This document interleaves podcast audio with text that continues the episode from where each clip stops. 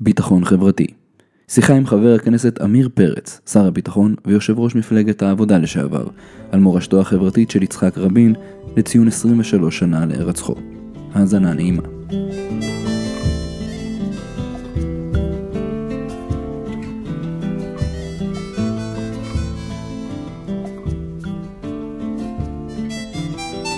שלום לכולם, שלום לכל המאזינים, אנחנו מדברים היום עם אה, חבר הכנסת, שר הביטחון לשעבר, יושב ראש מפלגת העבודה לשעבר, עמיר פרץ. צהריים טובים, עמיר, צהריים טובים שלום לכולם. לך, שלום למאזינים. הרבה, הרבה תארים. דווקא שני תפקידים מאוד חשובים שאני מאוד אוהב. נכון. לא הזכרת גם את אה, ראשות המועצה. העירייה בשדרות, וגם נכון. את אה, יושב ראש ההסתדרות. Uh, היום אנחנו uh, מדברים uh, לזכר, לציון uh, 23 שנה לזכר uh, יצחק רבין, לזכר הרצח, ולכן אנחנו קצת נתרכז בעוד כמה תארים שהיו ונזכיר אותם, שזה יושב ראש ועדת העבודה והרווחה בתקופת ממשלת רבין, ויושב ראש הוועדה המשותפת לחוק הביטוח הממלכתי. אה, ומי שלפחות לפי הוויקיפדיה נאמר שהיה חלק ממחנה רבין, אתה מסכים עם הוויקיפדיה? ברור. אני אה, החלטתי להיות חלק ממחנה רבין עוד כאשר הייתי אה, חקלאי במושב בניר עקיבא, והייתה התמודדות במושב על מי ציר ועידה, ושאלתי מה מהות ההתמודדות, אמרו לי יש התמודדות בין צירי ועידה שתומכים ברבין וצירי ועידה שתומכים בפרס. והתמודדתי. ובאמת פעם ראשונה ככה שאצלנו במושב שמו קופסאות כאלה ועברו מבית לבית, כי בדרך כלל לא הייתה התמודדות. כמובן שהפסדתי, כן? ואנשי פרס ניצחו, ודאי. אבל זו הייתה, זו הייתה הפעם הראשונה שאני טבלתי את רגליי ב... המערכת הפוליטית והחלטתי שאני אה, יוצר שייכות והזדהות.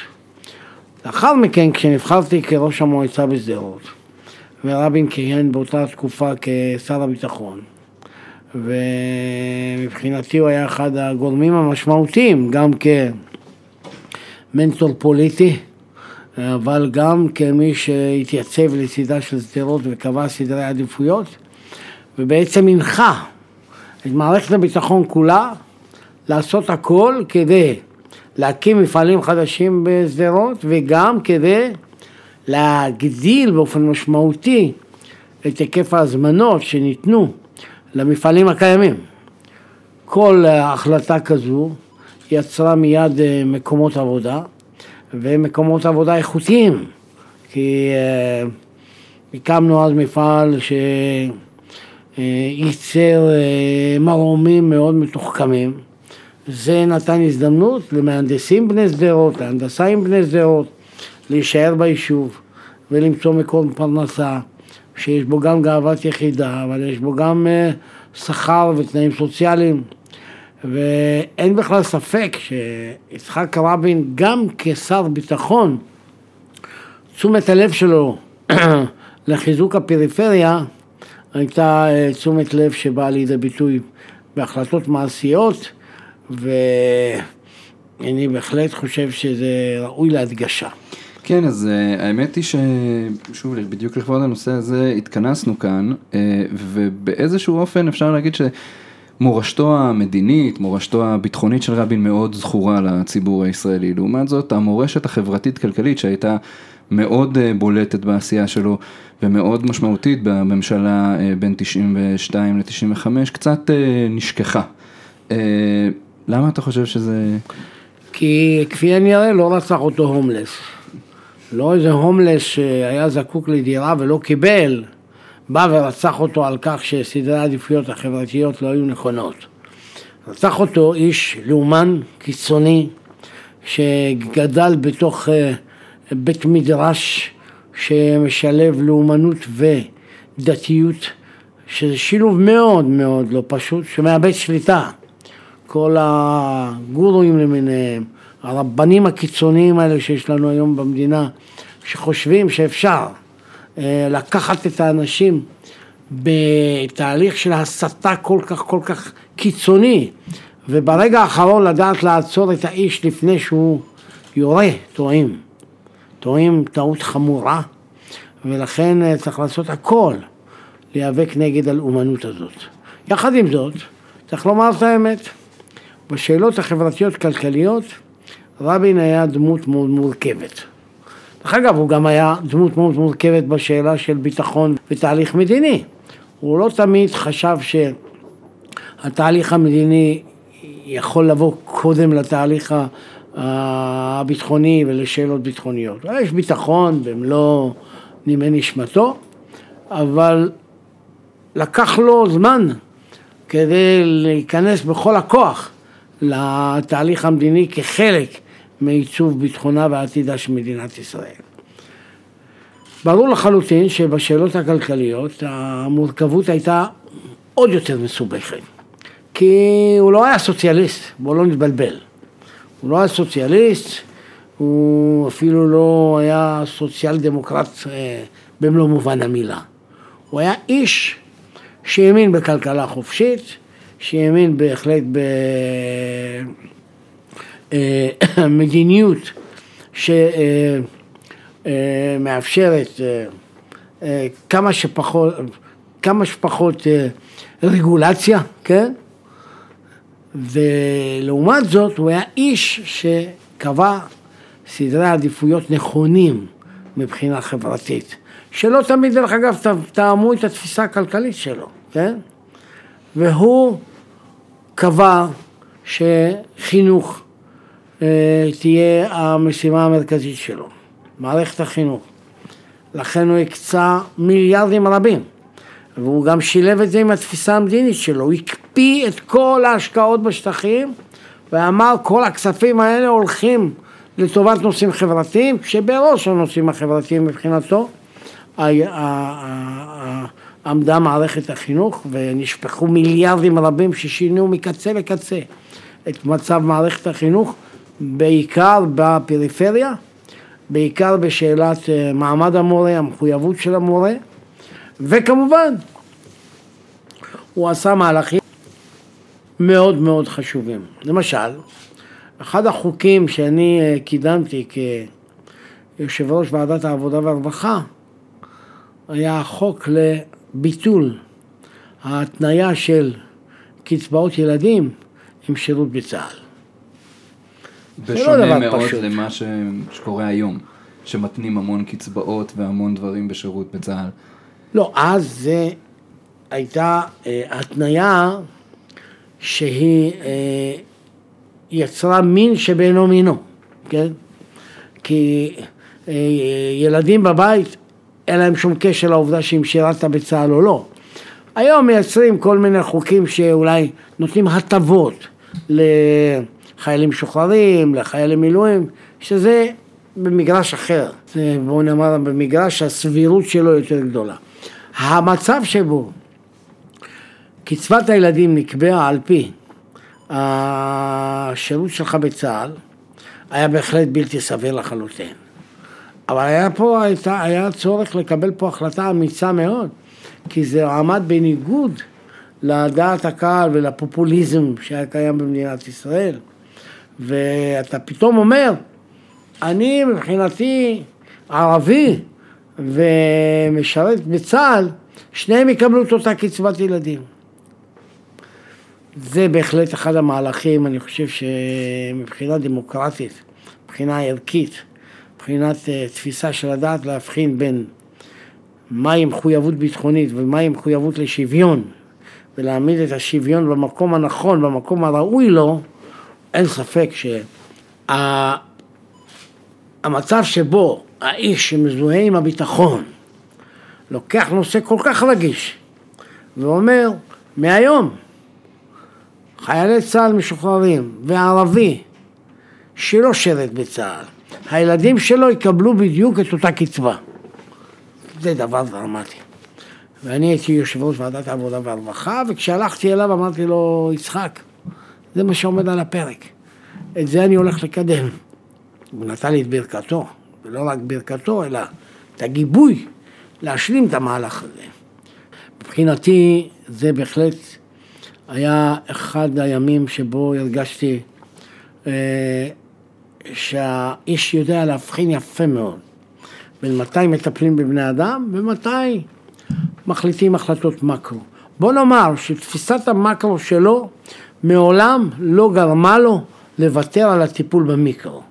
גם כאשר הלכנו להפרטה של אה, מספנות ישראל, כדוגמה, והייתה החלטה של האוצר שמכיוון שלא נמצא קונה מתאים, לפרק את המספנות, להוציא אותן לתהליך פירוק. ואני הלכתי לרבין, אמרתי לו, אני יושב ראש ההסתדרות, תן לי בבקשה כמה חודשים ואני אביא קונה ויעשה הסכם קיבוצי ושהקנייה תהיה תוך כדי שמירה על זכויות עובדים, תוך כדי שמירה על ההסכם הקיבוצי העתידי. והוא נתן לי את האפשרות הזו, ובאמת הצלחנו אה, להציל את המספנה, להשאיר שם הסכם קיבוצי, ולתת לעובדים האלה שעבדו שנים רבות במספנה את הזכויות ואת הפיצויים המגיעים להם. אה, אני חושב שיצחק רבין היה מאוד רגיש, אה, למרות שהוא שמר על קור רוח ושמר על דיסטנס וריחוק מסוים, הוא לא היה אדיש למצוקות חברתיות. יש סיפור על איזה כפר בדואי בצפון, שהוא בא לבקר שם, והוא שאל שם את התושבים, מה, מה אתם צריכים? אמרו לו, מה אנחנו צריכים? קודם כל שיהיה כביש שיחבר אותנו לכביש הראשי, אנחנו פה, זה הכל אה, שבילים. הוא אמר, אוקיי, בסדר, וכולם היו בטוחים שהוא שכח. וכשהוא נבחר כראש הממשלה, הוא קרא לשבס ואמר לו, אתה זוכר את הכפר ההוא? תדאג בבקשה שיסללו להם כביש.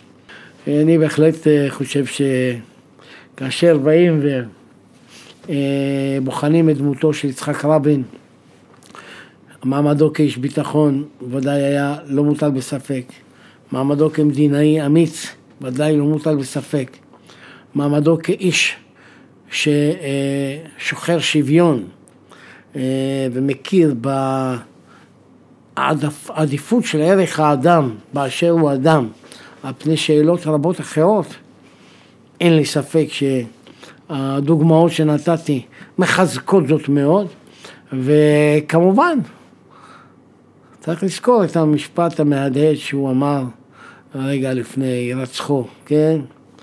שאומנם זה לא קשור ישירות לנושאים החברתיים, אבל זה בהחלט אה, חלק מתפיסת עולם. כשהוא אמר שהאלימות זה כרסום יסודות הדמוקרטיה, הוא צדק. אנחנו היום בתקופה שבה האלימות מכרסמת ביסודות הדמוקרטיה, שבה האלימות והאווירה של האלימות מייצרת מצב שקבוצות שלמות, אנשים רבים, מפחדים להביע את דעתם, מכנסים אותה, מתקרנפים בה, גם אנשים פוליטיים, לצערי הרב, כן? להגיד אני שמאל זה כבר uh, כאילו uh, לקחת איזה רמה מסוימת של סיכון, כן? וודאי אה, רבין הוא האחרון שהיה אפשר להגדיר אותו כאיש שמאל או שמאלן, אבל בסופו של יום, כשבודקים את היחס שלו לערך האדם, אז הוא היה יותר איש שמאל מאשר איש ימין, בלי שום ספק. ואני הרי מהאנשים הפוליטיים שלא אוהבים את ההגדרות האלה של מרכז. אני לא מאמין שיש דבר כזה מרכז. מרכז זה אדם נטול תפיסת עולם. כשמישהו אומר, אני מרכז, אני מרכז, אני מרכז. אתה יכול להיות שמאל פרגמטי, אתה יכול להיות שמאל אה, שהאידיאולוגיה שלך אה, בלתי ניתנת לפשרה, כנ"ל אתה יכול להיות ימין פרגמטי, אתה יכול להיות ימין יותר קיצוני, אבל בסוף כשיש לך תפיסת עולם יש לך גם מרחב שאיתו אתה מתדיין. ואני חושב שליצחק רבין הייתה תפיסת עולם, הוא ידע לקבוע סדרי עדיפויות, ובנושאים החברתיים הוא עשה זאת בצורה יוצאת מן הכלל, יש לו שורה רבה וארוכה של שינויים בתחומים רבים. הנה אני אקריא כמה נתונים, אה, למשל טיפול במוקדי האבטלה. ירדו מ-24 מוקדי אבטלה כרוניים בשנת 92 לשישה בלבד בשנת 95, אבטלה בקרב עולים יורדת מ-39% ל-11, תמיכה בשנת 94, 6.5% השיעור הגדול ביותר במדינות ה-OECD, אה, הדיור שהיום אנחנו מתמודדים איתו בתקופת רבין, ב-94 למשל בלבד שווקו קרקעות ל-57,700 דירות אה, וכמובן חוק ביטוח הבריאות הממלכתי שהכניס אה, עוד 250 אה, אלף אזרחים ישראל תחת ביטוח. ילדים, רק משכבות חלשות. אז קח אותנו רגע לתחילת הדרך, ל-92, לישראל של תחילת שנות ה-90, תקופת שמיר, שלטון הליכוד. מה, מה מוביל את רבין, כלומר מה המצב באותו רגע שרבין בעקבותיו מגיע לשינוי סדר העדיפויות? לאיזה, לאיזה סיטואציה רבין נכנס? תראה, אה, זכותו של רבין שהוא לא, הוא לא קטלג את הבוחרים. לא היה מצב שבו יגיד, אוקיי, פה בחרו עבורי, הם יקבלו יותר, פה לא בחרו עבורי, הם יקבלו פחות. אין סיכוי היה שהוא יחלק את ה... אה, תפיסת העולם שלו וסדרי העדיפויות שלו לפי מה היו תוצאות ההצבעה. כי האירוע הדרמטי ביותר שהיה לנו, תראה, רבין עשה מסע בחירות מדהים, אבל הסתבר שמסע הבחירות שלו לא היה קמפיין בלבד. זה היה מסע בחירות שכולו התחייבויות. הוא האמין בהתחייבויות שהוא אה, אה, אה, הודיע עליהם. הוא לא הודיע על התחייבות שהוא חשב שהיא לא נכונה, או שהוא חשב שהוא לא רוצה להגשים אותה. אחד האירועים הדרמטיים, שבעצם הוא הציג גם שינוי באווירה, וגם בעצם חידד את ההבדל בינו לבין הפופוליזם של הליכוד שעמד מולו, וכשהגענו לדימונה. כי רבין ביקש ממני לעמוד בראש מטה ערי הפיתוח שלו, בקמפיין, כי כולם ידעו שערי הפיתוח זה נקודת התורפה הגדולה ביותר, ואם נצליח שם לעשות שינוי כלשהו, גם נצליח אה, לנצח את הבחירות. ולכן הוא מיקד שם אה, מאמצים רבים. ויום אחד התחלנו במסע כיכרות, מנתיבות, דרך אופקים, דרך ערד, דרך אה, ירוחם, ובסוף הגענו לדימונה. דימונה התחיל מה שנקרא אה, קמפיין המשרוקיות של הליכוד. הם היו מביאים כמה מאות אנשים, ברגע שרבין היה מתחיל לדבר, המשרוקיות הקטנות האלה היו נשלפות, וזה היה הופך לרעש מחריש אוזניים שאי אפשר לשמוע כלום. זה הצליח להם. שם הם עשו את זה פעם ראשונה. אנחנו די היינו צריכים להתמודד עם הסיטואציה הזאת. עכשיו, היה אה, נוהל ביני לבין רבין, שאני הייתי עולה, סופג את רוב האש, מתחיל מה שנקרא במסע ריכוך, ואז הוא היה עולה ומשלים את המלאכה. ומשלים את המלאכה, משלים את המלאכה. ובאמת בדימונה עליתי, והתחלתי לדבר, ואמרתי להם שהם לא יכולים להמשיך ולהצביע ליכוד וכולי וכולי וכל מה שנאמר עם סדרי עדיפויות. וכשירדתי פתאום נפלה לי תובנה שיש משפט שאם רבין יגיד אותו הוא יהיה משפט שישנה את כל הגישה של ה... אנשים שעומדים מולנו. ואמרתי לו, תשמע, יצחק, תן להם כבוד על זה שהם ליכודניקים. תגיד להם שהליכוד זה לא הבעיה, והם לא הבעיה. שהם לא עוזבים את הליכוד, שהליכוד עזב אותם. באמת הוא עלה, ואז הוא התחיל בנאום עם הקול העצום שלו ומהדהד בכל העיר, ואמר, לא אתם עזבתם את הליכוד, הליכוד עזב אתכם. עכשיו, זה נשמע משפט לכאורה ממוסגר, לא. יש בו עומק מאוד גדול, שבא מנהיג של מפלגה אחרת ואומר, אני מאוד מעריך את זה שאתם נאמנים לבית שלכם, למשפחה שלכם. אתם מרגישים שהליכוד זה מסגרת ששייכת לכם. אבל הם כבר עזבו אתכם מזמן, הם הפקירו את ערי הפיתוח, הם לא משקיעים ב- ב- ביישובים, לא מתעסקים עם האבטלה, לא עם חוסר הדיור, לא עם חוסר מקומות תעסוקה, לא עם הרמה הנמוכה של מערכת החינוך ביישובי הפיתוח. משפט אחד כינס בתוכו אה, תפיסת עולם שלמה. ועם המשפט הזה הוא הלך באמת ממוקד למוקד ותמיד אה, או פתח איתו או סגר איתו, כן?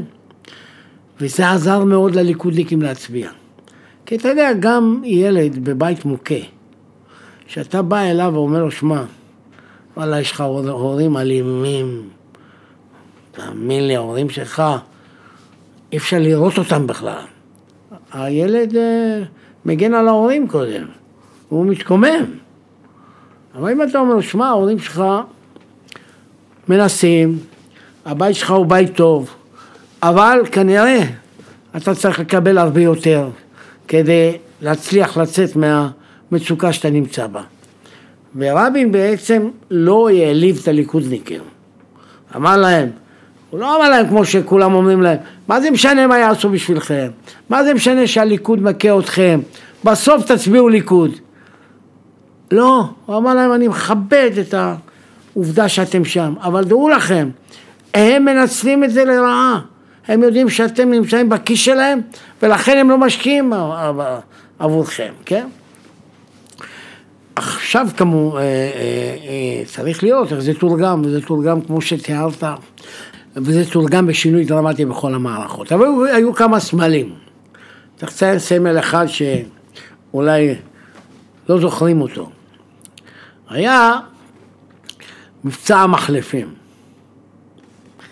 המבצע הזה היה מבצע שראש הממשלה, יצחק רבין, הנחה ולא התפשר, לא עם האוצר ולא עם גורמים אחרים, והמבצע היה פואד. פואד היה שר השיכון, והם לקחו סיכון. כי הם היו, ב... ב... ב... היית מתעורר, נוסע בכביש, פתאום רואה איזה שלט ענק, שכתוב ב-31 לינואר ייפתח פה מחלף. תשמע, אתה ראש ממשלה, אתה שר בינוי ושיכון, מה אתה לוקח סיכון שפה ייפתח מחלף? ואם תהיה איזה תקלה פתאום, יהיה איזה גשם, איזה, אני לא יודע מה יקרה שם. ב-31 לינואר ייפתח מחלף. ב-31 למרץ ייפתח פה מחלף. פתאום כל המדינה, מה שנקרא, התמלאה בשלטים. מלאה מדינתנו בשלטים, וכולם היו בטוחים, יאללה, זה עוד איזה מבצע שיווק שהוא של ממשלה שכנראה לא מתכוונת לעשות הרבה. כל מקום שהיה שלט, עמדו בתאריך. איך? ככה זה. כמו שרבין ידע לנהל בשיטתיות את המערכת אה, הביטחונית, כך הוא חשב שכשאתה קובע דדליין וקובע נקודת ציון שמגיעים אליה, אין מה לעשות, המערכת כולה מבינה שאין מרווח לשחק וכולם נרתמים וזה היה מדהים לראות איך כל חודש נחנך מחלף במקום אחר. אז מחלפים זה היה דבר חדש במדינה, זה לא היה דבר של מה בכך, כן? אה, וזה בהחלט אנקדוטה שמצביעה גם על ביצוע ושוב, הוא חשב שסדרי העדיפויות בלשחרר את הפקקים במדינת ישראל ולאפשר אה, תחבורה יותר, יותר נוחה לכלל האזרחים, גם תשפיע על אה, יכולת ההשקעות. תראה, אני מביט היום על אה, קברניטי המשק הישראלי, ואפשר לומר שיש הצלחה למשק הישראלי. המשק הישראלי עם נתוני צמיחה יחסיים יותר טובים מה, מהרבה מאוד מדינות ב-OECD, אה, בהחלט נתוני אבטלה מאוד נמוכים, וצריך לזכור דבר אחד, מנופי הצמיחה של מדינת ישראל הם מנופי צמיחה מאוד מוגבלים. כרגע אנחנו עדיין נהנים מאקזיט פה ואקזיט שם, שמשפר בבת אחת את היקף ההכנסה, נותן יותר מרווח תמרון ל... ל אה, נותן יותר מרווח תמרון למי שמנווט את הכלכלה הישראלית, אם זה ראש הממשלה או שר האוצר. אבל צריך להזכיר לכל האזרחים שמנוף הצמיחה החשוב ביותר הוא תהליך השלום והסכם השלום. ומי שהוכיח זאת זה יצחק רבין. תוך כדי תהליך אוסלו, לפני שנחתם הסכם אוסלו, המדינה שלנו הוצפה במשקיעים. משקיעים מכל עבר, שהיו בטוחים שמדינת ישראל הולכת להפוך המעבדה המרכזית של המזרח התיכון, שהולכת להפוך מרכז השקעות, פיתוח של כל מה שאפשר לחלום עליו. וזה יצר צמיחה בלתי רגילה. ולכן צריך להזכיר לכולם, יש קשר ישיר בין תהליכים חברתיים לבין תהליכים מדיניים.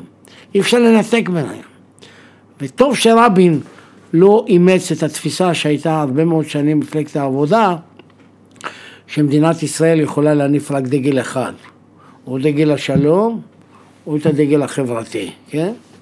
אני חושב שיצחק רבין הצליח להוכיח שגם ניתן להניף את דגל השלום, דגל הביטחון ואת הדגל החברתי. ו... ואת זה חייבים להנציח. ויתרה מכך, הם כולם קשורים זה בזה באופן הדוק. אני אתן רק אה, עוד פעם אה, דוגמה לנתון שמתחבר בדיוק למה שאמרת. אה, למשל, הייצוא גדל ב-1994 ב-14% בשנה אחת.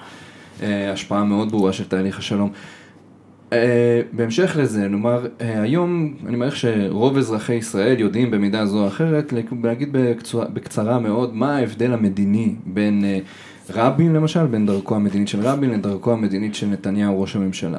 נתניהו נבחר אחרי רבין ומשנה את כל התפיסה הכלכלית מקצה אל קצה, אבל אני חושב שלאזרח הממוצע יהיה קשה להבין מה בעצם ההבדל בין התפיסות. אם תוכל להרחיב, מה, מה, איך אתה רואה את ההבדל בין רבין שמשקיע באמת בכל השכבות החלשות, בכל הפריפריה ומשנה את סדרי העדיפויות, לבין נתניהו שמגיע שנה אחריו ופשוט הופך את כל הקריירה? איך... אה, תראה, נתניהו הוא אדם עם אידיאולוגיה מאוד ברורה.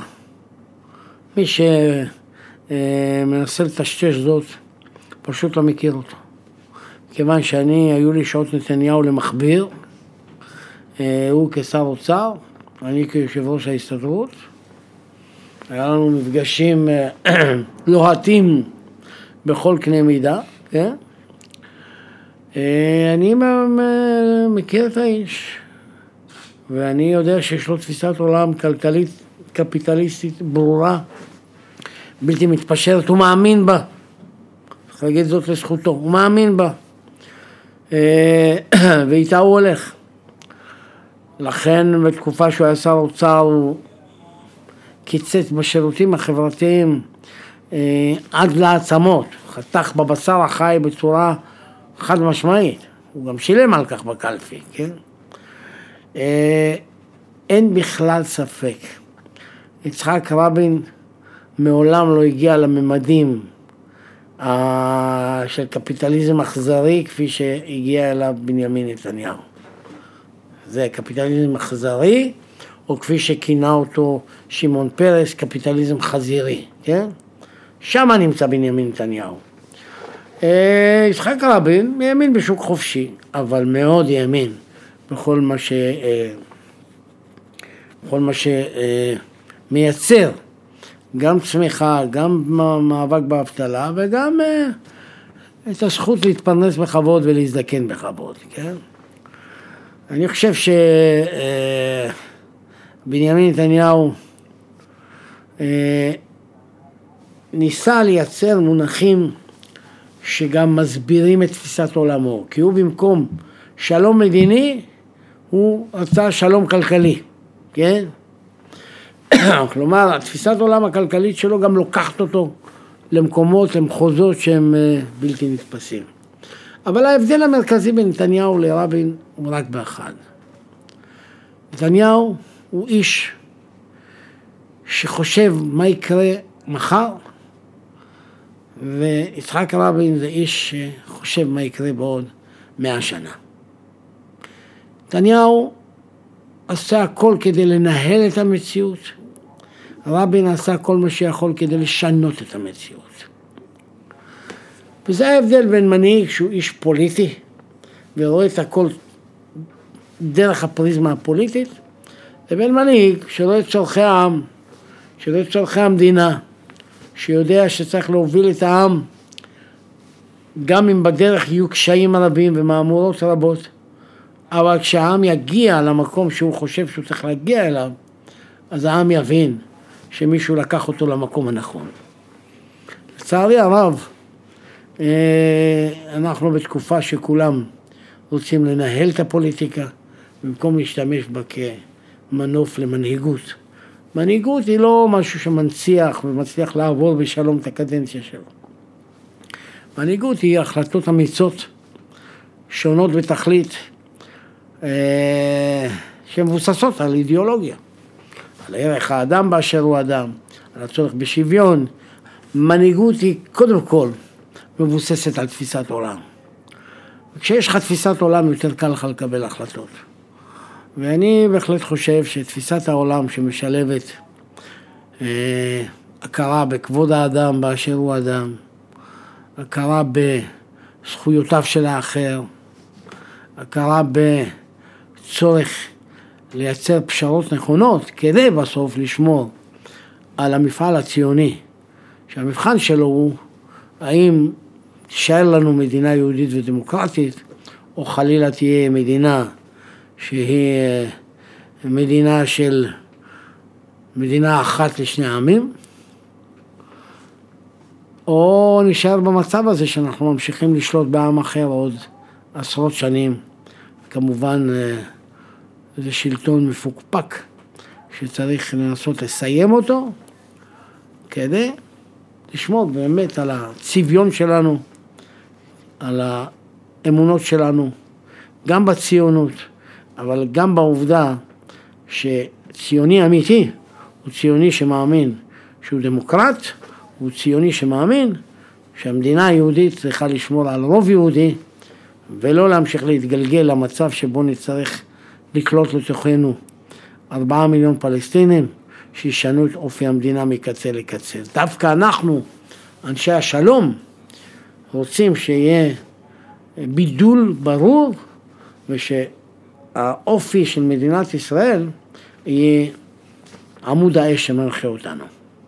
האמת שלסיום, ממש בהמשך למה שאמרת עכשיו, אני רוצה אה, לשאול אותך קצת אה, בנושא אחר, בשאלה אחת שהיא לא חברתית, אה, תמיד סביב התקופה הזאת, בעיקר בשנים האחרונות, אבל בטח לאורך כל השנים, עולים קולות בוויכוח על ההנצחה של יצחק רבין, בעיקר סביב העצרת. האם היא צריכה להיות הנצחה יותר ממלכתית, מאחדת, שמרחיקה את הנושאים הפוליטיים ומדברת יותר על האופי הדמוקרטי באופן כללי, או האם היא uh, צריכה להיות uh, עצרת פוליטית, הנצחה פוליטית, לזכרו של אדם פוליטי שמחברת לעמדותיו והמדיניות שאותה הוא הוביל ובגינה הוא נרצח. Uh, מעניין אותי לשמוע מה, מה עמדתך בנושא. אני חושב שהחלק הממלכתי מתקיים בכנסת. יש אירוע בכל שנה לזכרו של יצחק רבין. שם באמת ננאמים הנאומים הממלכתיים. בבית העלמין ננאמים הנאומים הממלכתיים. בעצרת חייבים להדגיש את המסע הפוליטי שהביא להירצחו. מי שמנסה לטשטש זאת לא משיג את מה שצריך להשיג בלקח מרצח ראש ממשלה. תראה, צריך להצדיע לדמוקרטיה הישראלית. צריך להצדיע לה. לא כל דמוקרטיה הייתה מכילה רצח ראש ממשלה בלי מלחמת אזרחים בעקבותיה. והדמוקרטיה הישראלית הכילה רצח ראש ממשלה.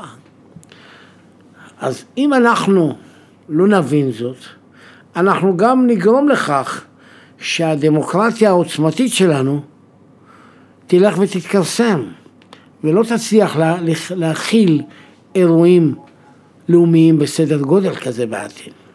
ולכן אני בעד אופי ממלכתי חד משמעי לאירועים שמתקיימים בבית העלמין, בכנסת, בבתי הספר, אבל העצרת צריכה להיות עצרת שיש בה את כל המוטיבים הפוליטיים שצריכים להישמע, כי יצחק רבין לא מת בשנתו, הוא נרצח בגלל משנתו, ואת זה אסור להשכיח. עמיר פרץ, תודה רבה על הזמן שהקדשת לנו, תודה רבה על הדברים, ונקווה רק לעתיד טוב יותר ברוחו של, ברוח פעולתו של רבי. תודה רבה לכם.